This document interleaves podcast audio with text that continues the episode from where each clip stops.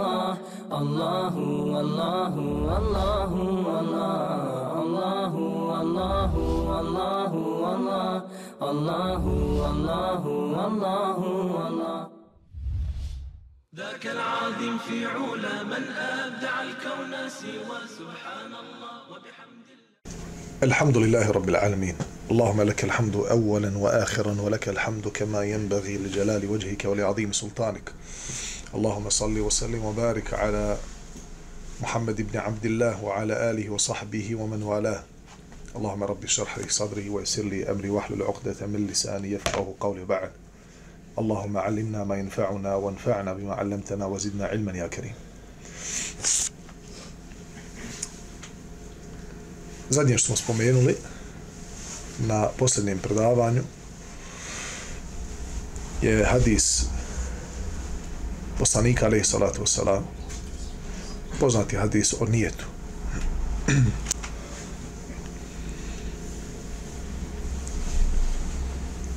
I kazao smo da se dijela, dijela cijene prema i vrednju prema namjerama. Svakom čovjeku pripada ono što namjerava.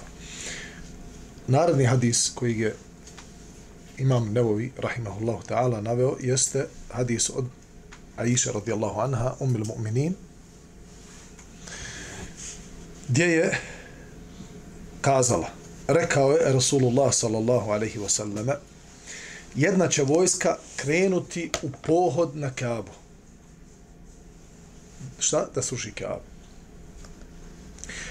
Pa kada dođu do velikog pustinskog prostranstva, propast će u zemlju od prvoga do zadnjega. Niko se spas neće. A Iša radijallahu anha kaže tada sam ga upitala Allahu poslaniče kako će propasti u zemlju od prvog do zadnjeg kada će među njima biti da se vratim na arapsku verziju originalnu wa fihim aswaquhum wa man laysa minhum među njima imaju njihove sluge podređeni ide oficir i povede sa sobom plaćenika koji će mu, ne znam, praviti hranu, kuhar, logistika. Ili čovjek prolaznik pridružio se toj karavani vojske kako ga ne bi divljač pojela, kako bi se, ajde da kažemo, sačuvao onaj eventualnih e, nelagodnosti na putu, pošto je pustinja u pitanju, i propašće zajedno sa njima a nije ni kriv ni dužan. Niti je pošao da, da, da Keabu sruši, niti ima taj nije tu uopšte. Šta će biti takvih pita Iša radijallahu anha? Kaže sallallahu alaihi wasallam propast će i one u zemlju. A zatim će biti proživljeni shodno svojim nijetima.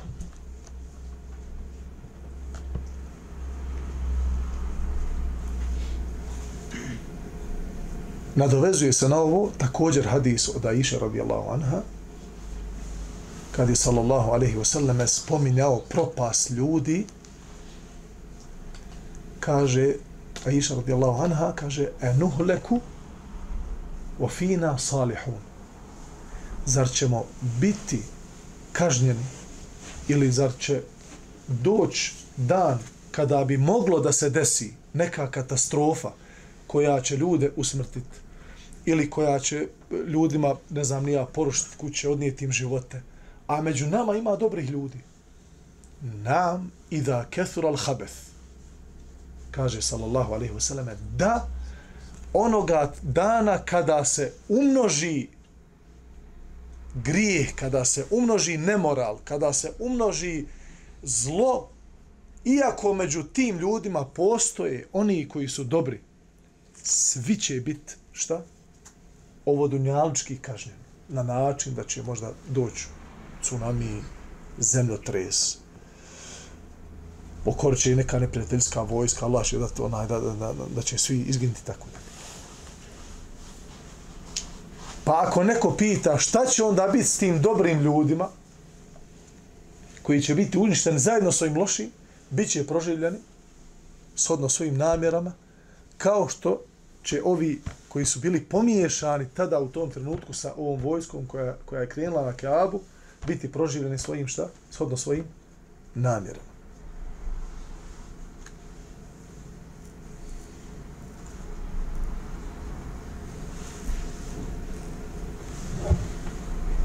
Ovdje, braću moja, znači, ovaj hadis također govori o jednoj meseli koju ćemo sada samo, ajde ovako, onaj, površno načeti,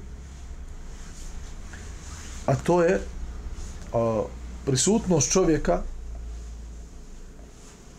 na nekom mjestu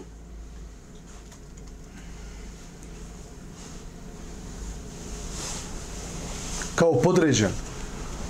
Znači, podređena osoba koja ne upravlja, znači, nema izbora da li će biti negdje na nekom dobro, na nekom lošem mjestu ili ne, da li, će, da li se ta čovjek, da osoba pita i da li ima grije za za neke stvari. Kao što, na primjer, da a, je osnova njegovog posla onaj hajrli, da je halal, i onda dođe moment da mora da uradi nešto što se kosi sa šarijatom. Da li će u tom momentu biti pitan ili neće biti pitan. To je jako, jako onaj, a da kažemo, aktuelna, zanimljiva tema o, o koje treba je fino obraditi, diskutabilna je i islamski učenjaci onaj, razlažu to, razlažu to baš onaj, ne, ne, smatra da trebamo posebno, posebno onaj predavanje samo o tome održati. Ali ovaj hadis načinje i tu temu. Sljedeći hadis također, također od majke vjernika Iša radijallahu anha da je rekla, kaže sallallahu alaihi wasallame nema hijđre nakon os, oslobađanja Mekke nego samo ostaje džihad i dobra namjera. A kada budete pozvani u borbu, odazovite se. Što znači nema hijđre nakon osvajanja Mekke? Vi znate da prije oslobađanja Mekke da je Allah Đalešanuhu vađibom strogom, strogim naređenjem a, ostavio muslimanima da moraju da napuste Meku i da, da idu u muslimansku sredinu, to jest u Medinu. Sve dok muslimani nisu kao oslobodioci ušli u Meku i oslobodili. Nakon toga je, sallallahu alaihi wasallam, rekao, nema više hijđire. Sada je Meka oslobođena, čista je sredina, u njoj se može ispovijedati Allahova vjera, ne prijeti muslimanima da će biti natjerani da napuste islam, više ih žele. Ali, postoji borba na Allahove putu i nijet, namjera. Kako postoji namjera? Da je čovjek imao namjeru da učini hijžu. Ishodno tome će biti nagrađen. Poput čovjeka koji dolazi hađ sada, ove godine. I nema sve uvjete za hađ. Ili je bolestan, ili nema dovoljno novaca, ili nema vremena i tako dalje. Ali bi volio u osnovi. Nije ti zanijeti hađ svome Allahu, znači svome gospodaru, kaže gospodar moj, da imam sve uvjete za hađ ove godine, ja bi otišao. Šta se dešava? Tako je osoba. Kod Allaha mu se upisuje kao da je bio na hađu. Ništa nije uradio. Ništa nije uradio. Nije, nije pomakao. A ima nagradu kao hađu mabrur. Kako tako? Lijepo. To je jedno od blagodati Allahove vjere Da čovjek može, zato je Allah subhanahu wa ta'ala kazao يرفع الله الذين آمنوا منكم والذين أوتوا العلم درجات Allah je među vama oni koji vjeruju i kojima je dato znanje uzdigao na velike stepene. Kako je Allah učene ljude uzdigao na velike stepene? sa znanjem o ovakvim stvarima. Mi smo to jednom spominjali kod Edebal Mufreda. Sa znanjem o ovakvim stvarima da čovjek sa namjerama čistim ili da kaže vidi bogataša da udjeluje i kaže u sebi, ne mora nikome reći od ljudi, Allah zna, ali istinski kaže u sebi, gospodaru, meni da si dao ovo bogatstvo, i ja bi dijelio kao što ovaj dijeli.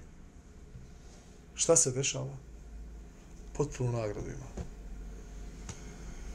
Potpunu nagradu ima kao onaj koji dijeli. Tako da mnoga dobra djela čovjek može da ima kod Allaha upisano samo shodno svojim namjerama.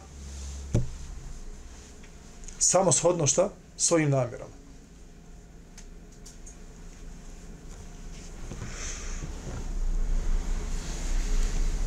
Od Ebu Abdullaha, Džabir ibn Abdullaha, El Ansarija, radijallahu anhuma, kazuje. Kada smo sa vjerovjesnikom, sallallahu alaihi wasallame, bili u jednom pohodu, on je rekao, u Medini ima ljudi koji su. Evo, ovaj hadis sada govori o ovome što sam, što sam malo prije spomenuo. Ima ljudi koji su, dok ste vi putovali i prolazili kroz doline, bili sa vama.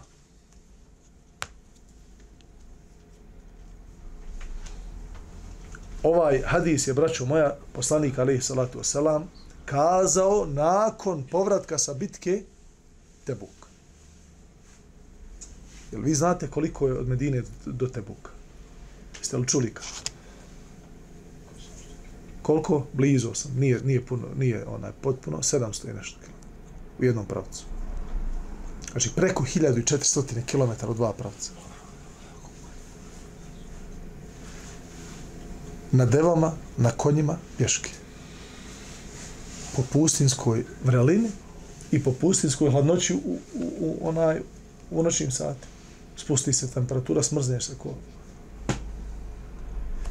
Kaže sallallahu alejhi ve selleme, dok ste vi putovali dolinama, dok ste prolazili pustinje, dok ste ratovali, dok ste se vraćali u Medinu, postoje ljudi u Medini koji nisu mrdnuli iz svojih kuća, ali vas dijele u nagradu. Sve, svo vrijeme su bili sve, sve vrijeme su bili sa vama. Habesehumul uzr da bi krenuli sa vama, zaustavilo ih je opravdanje koje su imali. Bili su bolesni. Ali su imali namjeru. I bili su nagrađeni shodno svojim namjerama. Pogledajte kolika je blagodat, braćo moja, da čovjek razmišlja o dobrim djelima.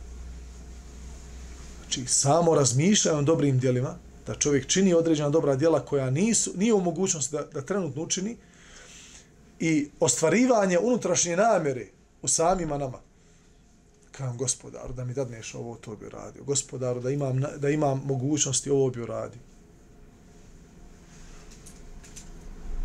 وَيَتَفَكَّرُونَ فِي خَلْقِ السَّمَاوَاتِ وَالْأَرْضِ Zato razmišljanje, braćo moje, postoje neke predaje i, i, i govor islamski učenja, učenjaka da kaže ono kao draže mi je da razmišljam sat vremena nego da cijelu noć provedem i badetu. Tako. Zašto su to oni rekli? Šta da razmišlja sad? Da razmišlja o namjerama, o dobrim dijelima, da, da produktivno razmišlja, da pokuša unaprijediti sebe, svoj iman, da razmišlja o Allahu, da, da poboljša svoju vezu sa Allahom. Znači, razmišljanje je jako potrebno i zato, na primjer, e, velikani Islama su znali svojim učenicima oporučivati kad ih pita, kaže, evo sad se vraćam nakon što sam stekao znanje, nakon što sam bio šejh s tobom 10, 15, 20 godina učio znanje, vraćam se svome narodu i želim da ih podučavam. Šta mi savjetuješ? Kaže, savjetujem ti da uvijek u toku dana imaš jedan sat za sebe, da se odvojiš od svega.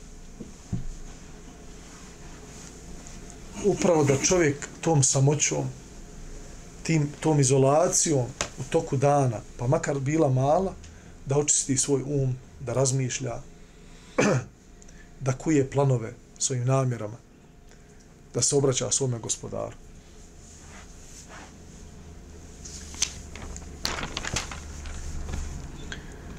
Od Ebu Jezida, Ma'ad ibn Jezid, ibn al-Ahnes, radijallahu anhum,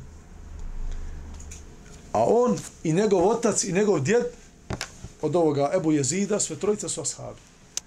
Allahu poslanika sallallahu alaihi wa sallam kazuje Jednom prilikom moj otac Jezid izdvojio je nekoliko dinara da ih e, podijeli kao sadaku. Te ih je ostavio pored nekog čovjeka u džamiji. Poslanika ali sallatu sallam. Njegov sin, ovaj koji, koji prenosi ovu predaju, vidio je te dinare kako je njegov babo spustio. Nije znao da je dao ovom čovjeku. Išao je za babe i pokupi dinare. I otišao u kući. Kad je došao u kući, došao on babo, kaže, babo, ja te viđa kako ti ispustio one dinare, kaže, u džami, ja za tebe išao, pokupi mi kući. Kaže, što ih uze? Što si uzeo? Kaže, ja sam to ostavio da ovaj insan, znao je da ovaj siroma, da ovaj insan kad se okrene vidi dinare da pokupio da je sve što uzeti. I otišli su pred poslanika, ali i salatu wasalam, da riješe slučaj. Jer je ovaj namjerio sadaku, njegov sin došao, pokupio i otišao kući. E, sada je bila diskusija da li će ovaj, da li će ovome biti primljena sadaka ili treba ponovo da dadne i da li ovome bilo halal da uzme tu sadaku ili mora otići sad naći čovjeka da mu dadne. Kad su otišli ispričali poslaniku sallallahu alaihi wasallame, rekao im je jezide, tebi pripada ono što si namiravao. Ti si dao sadaku. Nije došla do tog čovjeka. Ti si mu iskrenio. Ti si mu iskrenio. Sasvim dovoljno. Ti si uradio sve što je do tebe. A tebi Man ibn Zid pripada ono što si uzeo. Nije ga uslovio sallallahu alaihi wasallam da ide da tražu čovjeka, jer je ipak uzeo očev novac, ne znajući da je on to udijelio na Allahom putu, i nije ga uvjetovo da ide da traži čovjeka, da mu kaže, e, moj babo ti ostavio, ja sam, ja sam ti onaj, uzeo pare i sad ti vraćao. A ovaj, ovaj hadis bilježi imam Buharija u svom sahiju. Od Ebu Ishaka, Sa'd ibn Abi Waqasa, radijallahu an,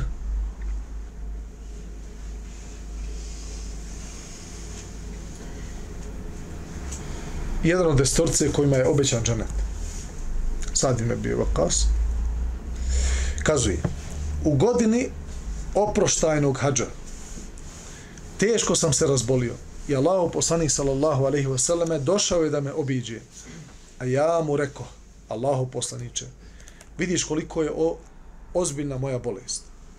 Imam dosta imetka, a nasljeđuje me samo moja kćerka hoće li drugima podijeliti dvije trećine svoga imetka? On reče ne.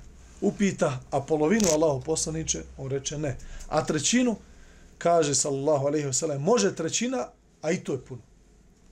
To jeste trećinu svoga imetka da ostavi u oporuci da se nakon njegove smrti daje e, kao, kao sadaka, jer nije imao sinova, imao je samo kćerku koja bi to veliko bogatstvo sve e, naslijedila, pa je htio to da dadne na Allahom putu i trećina mu je bila dozvoljena. Bolje ti je da svoje nasljednike ostaviš neovisnim, nego da ih ostaviš siromasima i da prosjače od ljudi. Ti nećeš potrošiti nešto želeći ti ima Allaho zadovoljstvo, a da za taj trošak nećeš biti nagrađen. Pa čak i za zalogaj koji staviš u usta svojoj supruzi. Upitao sam Allahu poslaniče, hoću li ja ostati iza svojih drugova, a poslanik sallallahu alejhi ve sellem rečao reče ako budeš dugo živio i za svojih drugova i budeš činio dobra djela kojima želiš Allahovog Allahovo zadovoljstvo tvoj stepen i veličina kod Allaha samo će se povećati možda ćeš ti poživjeti sve dok se neki ljudi ne okoriste tobom a drugi budu osjetili štetu od tebe Sad ibn Vaka, ibn Abi Vakas je ovdje pitao poslanika, ali sad to sam direktno, da li će umrijeti od ove bolesti. Pa mu je sallallahu alaihi sallam išaretio da neće umrijeti, nego da će ozdraviti i da će, kao što je poznato, o, kasnije osloboditi Irak i da će a, Allah Đelešanohu dati pobjedu muslimanima sa njegovim vojstvom i da će poraziti poraziti nevjerničku vojsku. Allah upotpuni mojim ashabima njihovu hijđru i nemoj ih vratiti tamo dakle su došli. Međutim, Sad ibn Haula je nevoljnik. To je ashab koji je preselio, za kojim je poslanik sallallahu alaihi wasallam tugovao, jer je preselio u Mekke. Allahu poslanik sallallahu alejhi ve sellem žalio je za njim zato što je umrao, umro u Mekki, to jeste nije umro u onom mjestu, to jest u Medini, gdje je imao nijet da se da da učini hidžru i umro je u Mekki e, ne ispunivši tu svoju namjeru. Pa je sallallahu alejhi ve sellem zbog toga osjećao uh, tugu i bog. Od Ebu Musa, Abdullah ibn Kajsa, radijallahu anhu, prenosi da je poslanik sallallahu alaihi sallam upitan čovjek koji se bori da pokaže svoju hrabrost. O čovjek koji se bori zbog plemenske pristrasnosti i čovjek koji se bori da bi ga ljudi vidjeli. Koji je od njih na Allahovom putu? Pa je sallallahu alaihi sallam rekao, onaj ko se bori da Allahova riječ bude gornja, on se bori na Allahovom putu opet namjera. Ali ovo je ostavljeno Allahu, braću moja. Znači, ne možemo mi diskutovati o tuđim namjerama. Znači, ovi hadisi nas podstiču na ispravnu namjeru. Ovi hadisi nam ne daju alat u naše ruke da mi uperemo prstom u ljude i kažemo ovaj se bori radi Allaha, ovaj se bori radi nacionalizma, ovaj se borio da, da ga ljudi vide kako je hrabar, to ne smijemo sebe dozvoliti ovi hadisi ne, znači ne, ne daju nam alate sa kojim ćemo mi etiketirati ljude u naše ruke. Nikako. To ne možemo se shvatiti iz ovih hadisa. Niti je i kod islamskih učenjaka tako shvatio. To su samo pojedini polovni mozgovi u zadnje vrijeme koji nemaju osnova da na osnovu koji će baratat e, islamskom naukom, znači islamskim doktrinama, nemaju alata, ne znaju usule. Braćo moje, postoji usuli svake nauke. Postoji, postoji usuli fik. Osnova fika. Koji se uči, koji nam daje alate kako da mi shvatimo određenu meselu. Određeno fiksko pitanje. Kako da poredamo dokaze. Dođe čovjek kaže, ja imam hadis poslanika, sallallahu alaihi wasallam, da je rekao. Dobro, ja i šta? Postoje usulska pravila. Prvo, prva knjiga koja je osvanula o usulu je napisao imam šafir. Usul fiku. Znači, selef ummeta je poznavao taj usul. Imam Šafija je to sastavio jednu knjigu. Da olakša učenicima i da olakša onima koji traže znanje oni su poznavali, prve generacije muslimana su poznavali, šta će meni, kaže Usul, šta će meni osnovne fika? Ja ću, kaže, da otvorim Mushaf i da ja tražim. Brate, pogubit ćeš se. Napravit ćeš od Islama bućkuriš. Jer ćeš uzeti jedan hadis, a ne zanemarit ćeš drugih pet hadisa koji govore na istu temu koji nadopunjuju jedan drugog. Izbunit ćeš se, daćeš odgovor nepotpun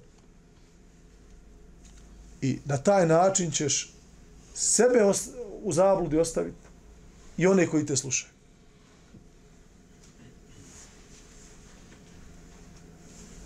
Ali pošto je danas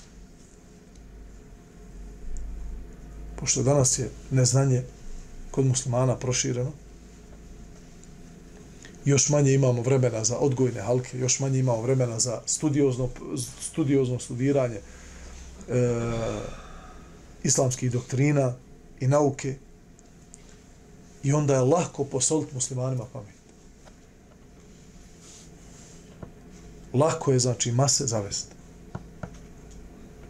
Retorikom, pričom, pričom o ispravim namjerama, pričom o, o, o, o onaj, o, da, da koristi muslimanima, da, da se bori za pravo muslimana. Kad vam neko nešto poručuje, tri puta razmišljate zašto vam to poručuje. Pogotovo kada, znači, kada dođu fitne, kada dođu dani smutnje, dobro pazite kad vam se neko obraća na emotivnoj osnovi, šta vam želi tim reći? Dobro se pazite.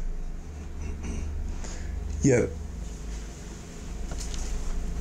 može se desiti da će neko se obraćati muslimanima na emotivnoj osnovi kako bi probudio u njima emociju i na taj način uzeo ih i poveo u pravcu koji on želi, koji je neispravan. I to nije, nije, se, nije to po prvi put da se dešava. Na kojoj osnovi Haridžije radi?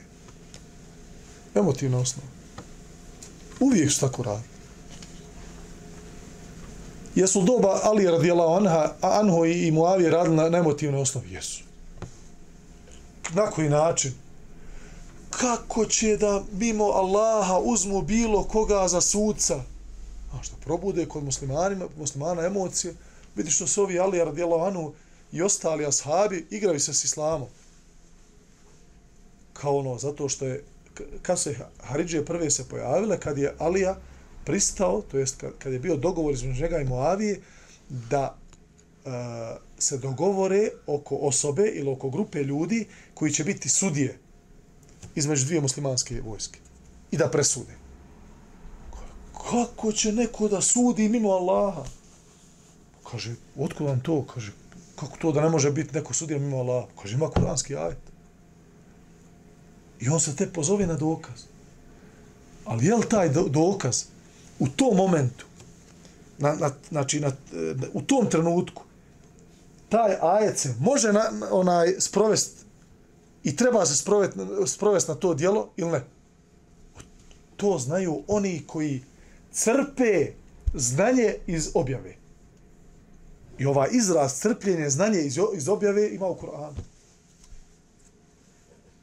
Jer oni kažu inil hukmu illa lillah sud pripada samo Allahu. Kako će Alija da kaže mimo Allaha da ima sudije? Da presudi. I onda na emotivnom i u mladinu i gdje je odvedu? Na krivi put. I danas to ne rade samo Haridžije. Razne grupacije na emotivnom planu, ne samo kod muslimana, i kod, kod drugih pokušavaju da instaliraju svoja razmišljanja, pogotovo kod omladine, na emotivnoj osnovi. I ako se čovjek zalijepi za to, ako ne razmišlja, ako isluči svoj mozak, a balans, potreban je balans između emocije i razuma. Jer ako emocija vrisne, ako je ti ne, ne, ne, ne daješ joj oblik, i ne, ne trudiš se da je oblikuješ, ona će da prelije tvoj razum i razum se isključi. Kad se razum isključi, gotovo je. Nema tri. A vađenje znanja iz, iz, iz kuranske, iz, iz, do, iz, iz vahja, iz, iz objave, Allah Đelšanu ga spominje u Kur'anu, kada kaže لَعَلِمَهُ الَّذِينَ يَسْتَنْبِتُونَهُ مِنْهُمْ kada je Allah Đelešanuhu korio one koji su nisu vratili poslaniku da ga pitaju.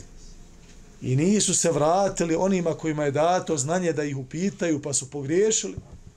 Kaže Allah Đelešanu da su se Bog dom obratili poslaniku ili onima kojima je dato znanje poznavali bi odgovor onih koji crpe znanje iz, iz objave la'alimahu alladhina yastanbituna istinbat znači da čovjek i shodno onome što je Allah objavio od Kur'ana i od vjerodostojnog sunneta da čovjek izvadi iz toga propis i da ga primijeni u praksu da ga plasira drugima. Za to je potrebno usul. Osnova fika, usuli tefsir, imamo usuli tefsira. Imamo usule, znači nauka, na koji način priča određenoj nauci, i iz toga vaditi propis. Nije to, braćo moje, jednostavno. Nije to jednostavno.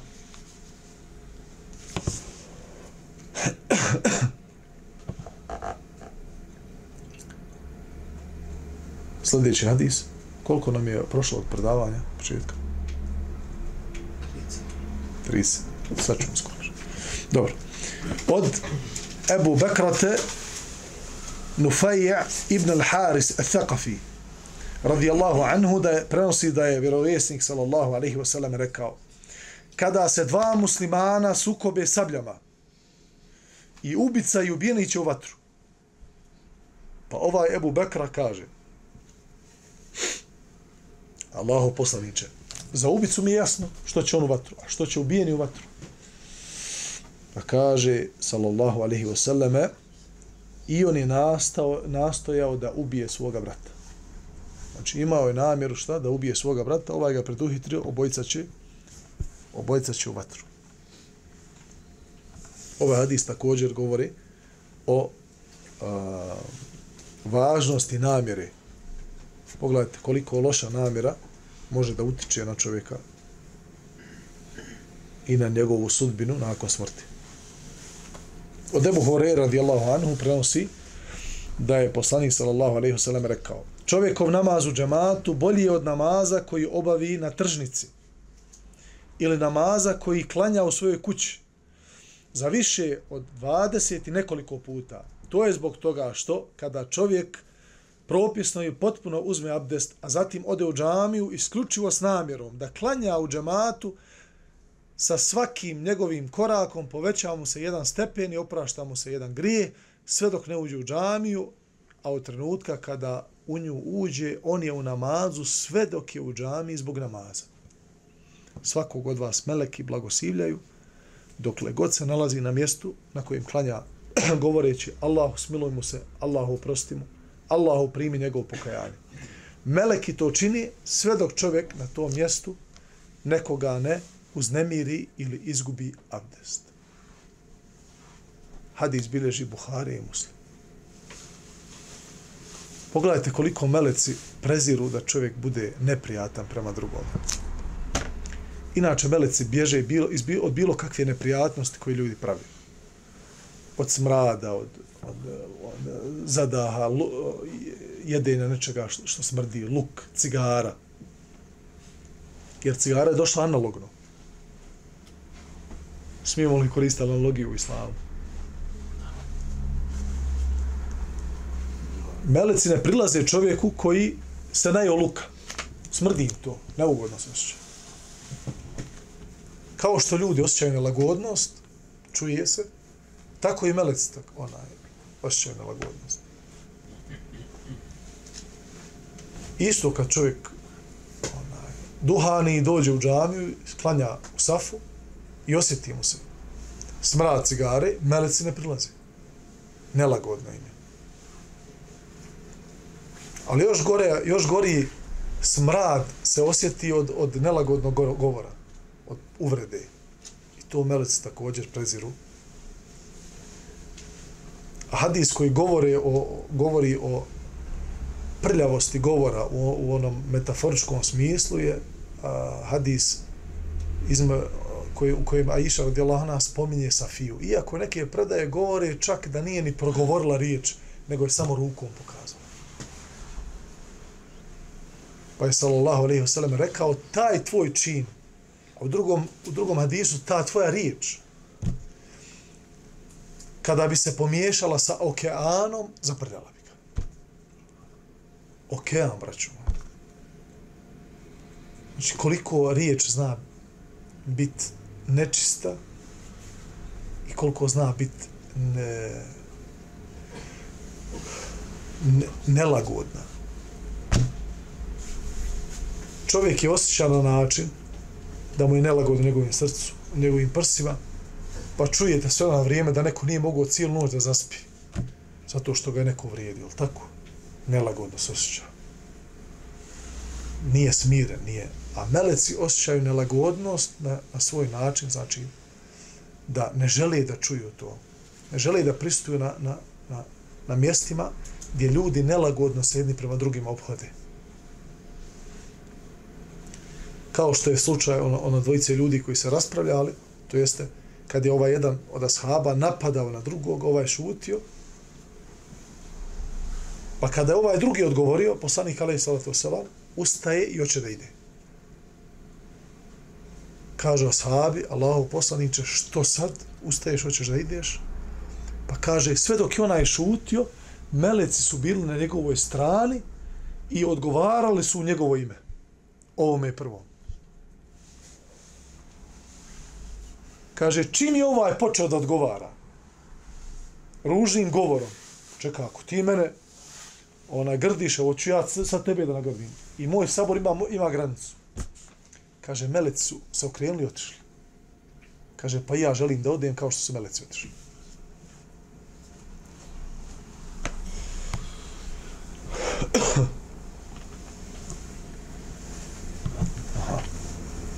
Dobro. Od Ebu Horeire aha, ovaj smo hadis znači o, o klanjanju namaza već završili.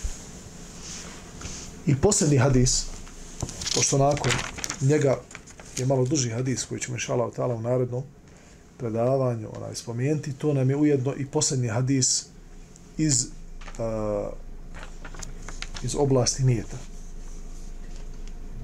Ali ćemo sada, znači, prezadnji hadis iz, iz, iz, ove, onaj, iz ovog poglavlja spomenuti od Ebu Abbasa, Abdullah ibn Abbasa ibn Abdul Muttaliba radijallahu anhuma, da je poslanik sallallahu alaihi wasallam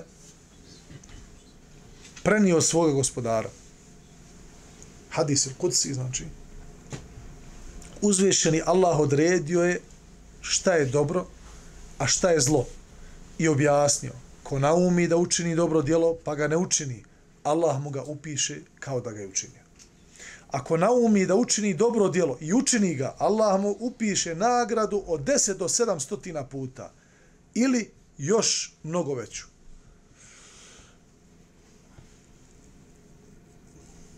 Opće je poznato, braćo moja, da za dobro djelo Allah ne nagrađuje jedan put, nego za svako dobro djelo najmanje deset puta nagrađuje. Do 700 i više od toga. Kako ćemo znati?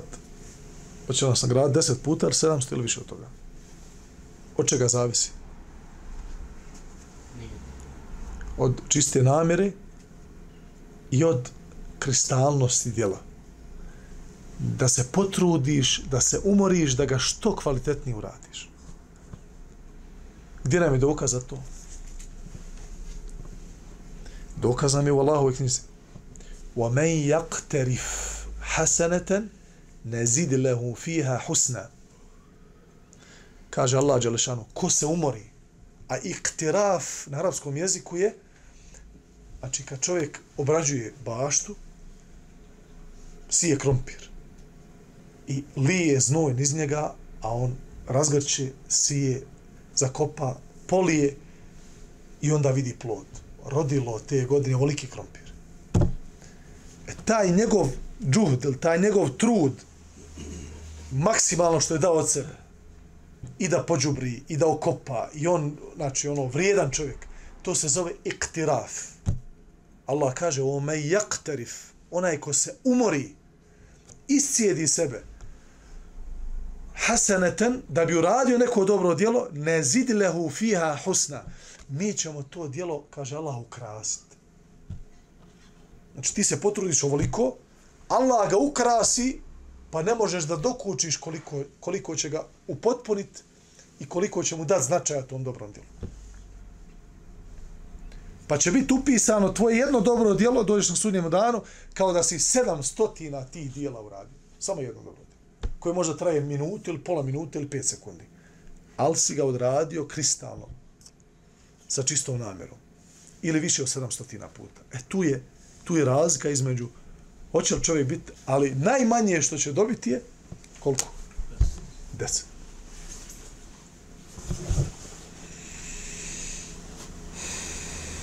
Mhm. Ako naumi da učini loše djelo, pa ga ne učini, Allahumma lakal hamd. Allah će mu pisati dobro djelo.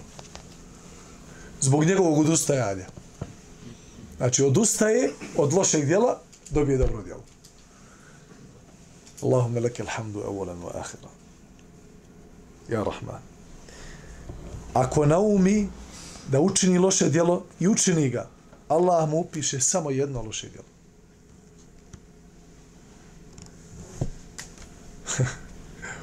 Nije lako ni u džahene ući. Stvarno mora se čovjek napati da... Ovaj,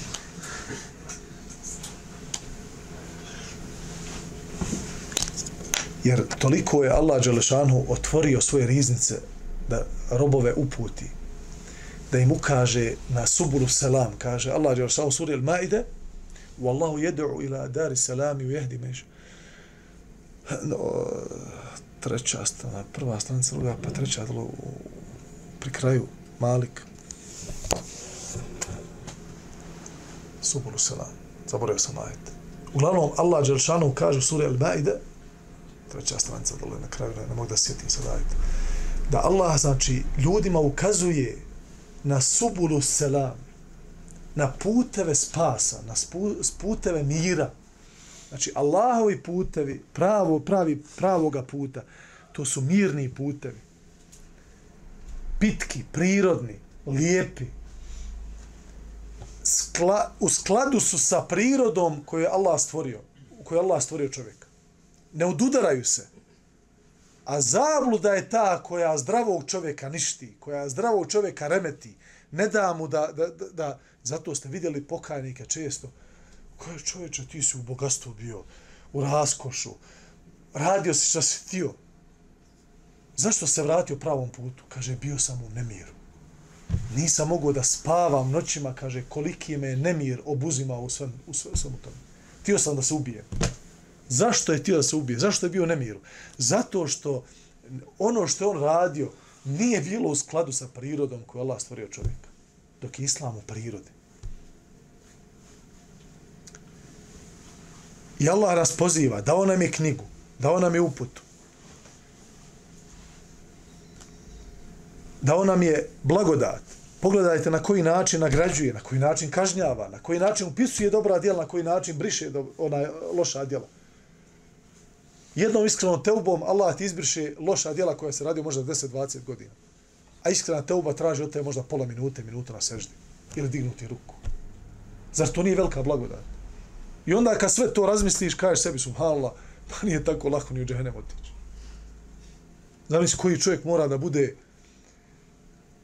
modil, pokvarenjak, da zaradi Allahu srču pored svih i dokaza, pored svih uputa, pored svih blagodati koje Allah dao u ovom prelijepom dini islamu. أقول قولي هذا واستغفر الله لي ولكم سبحانك اللهم وبحمدك أشهد أن لا إله إلا أنت أستغفرك وأتوب إليك وجزاكم الله خيرا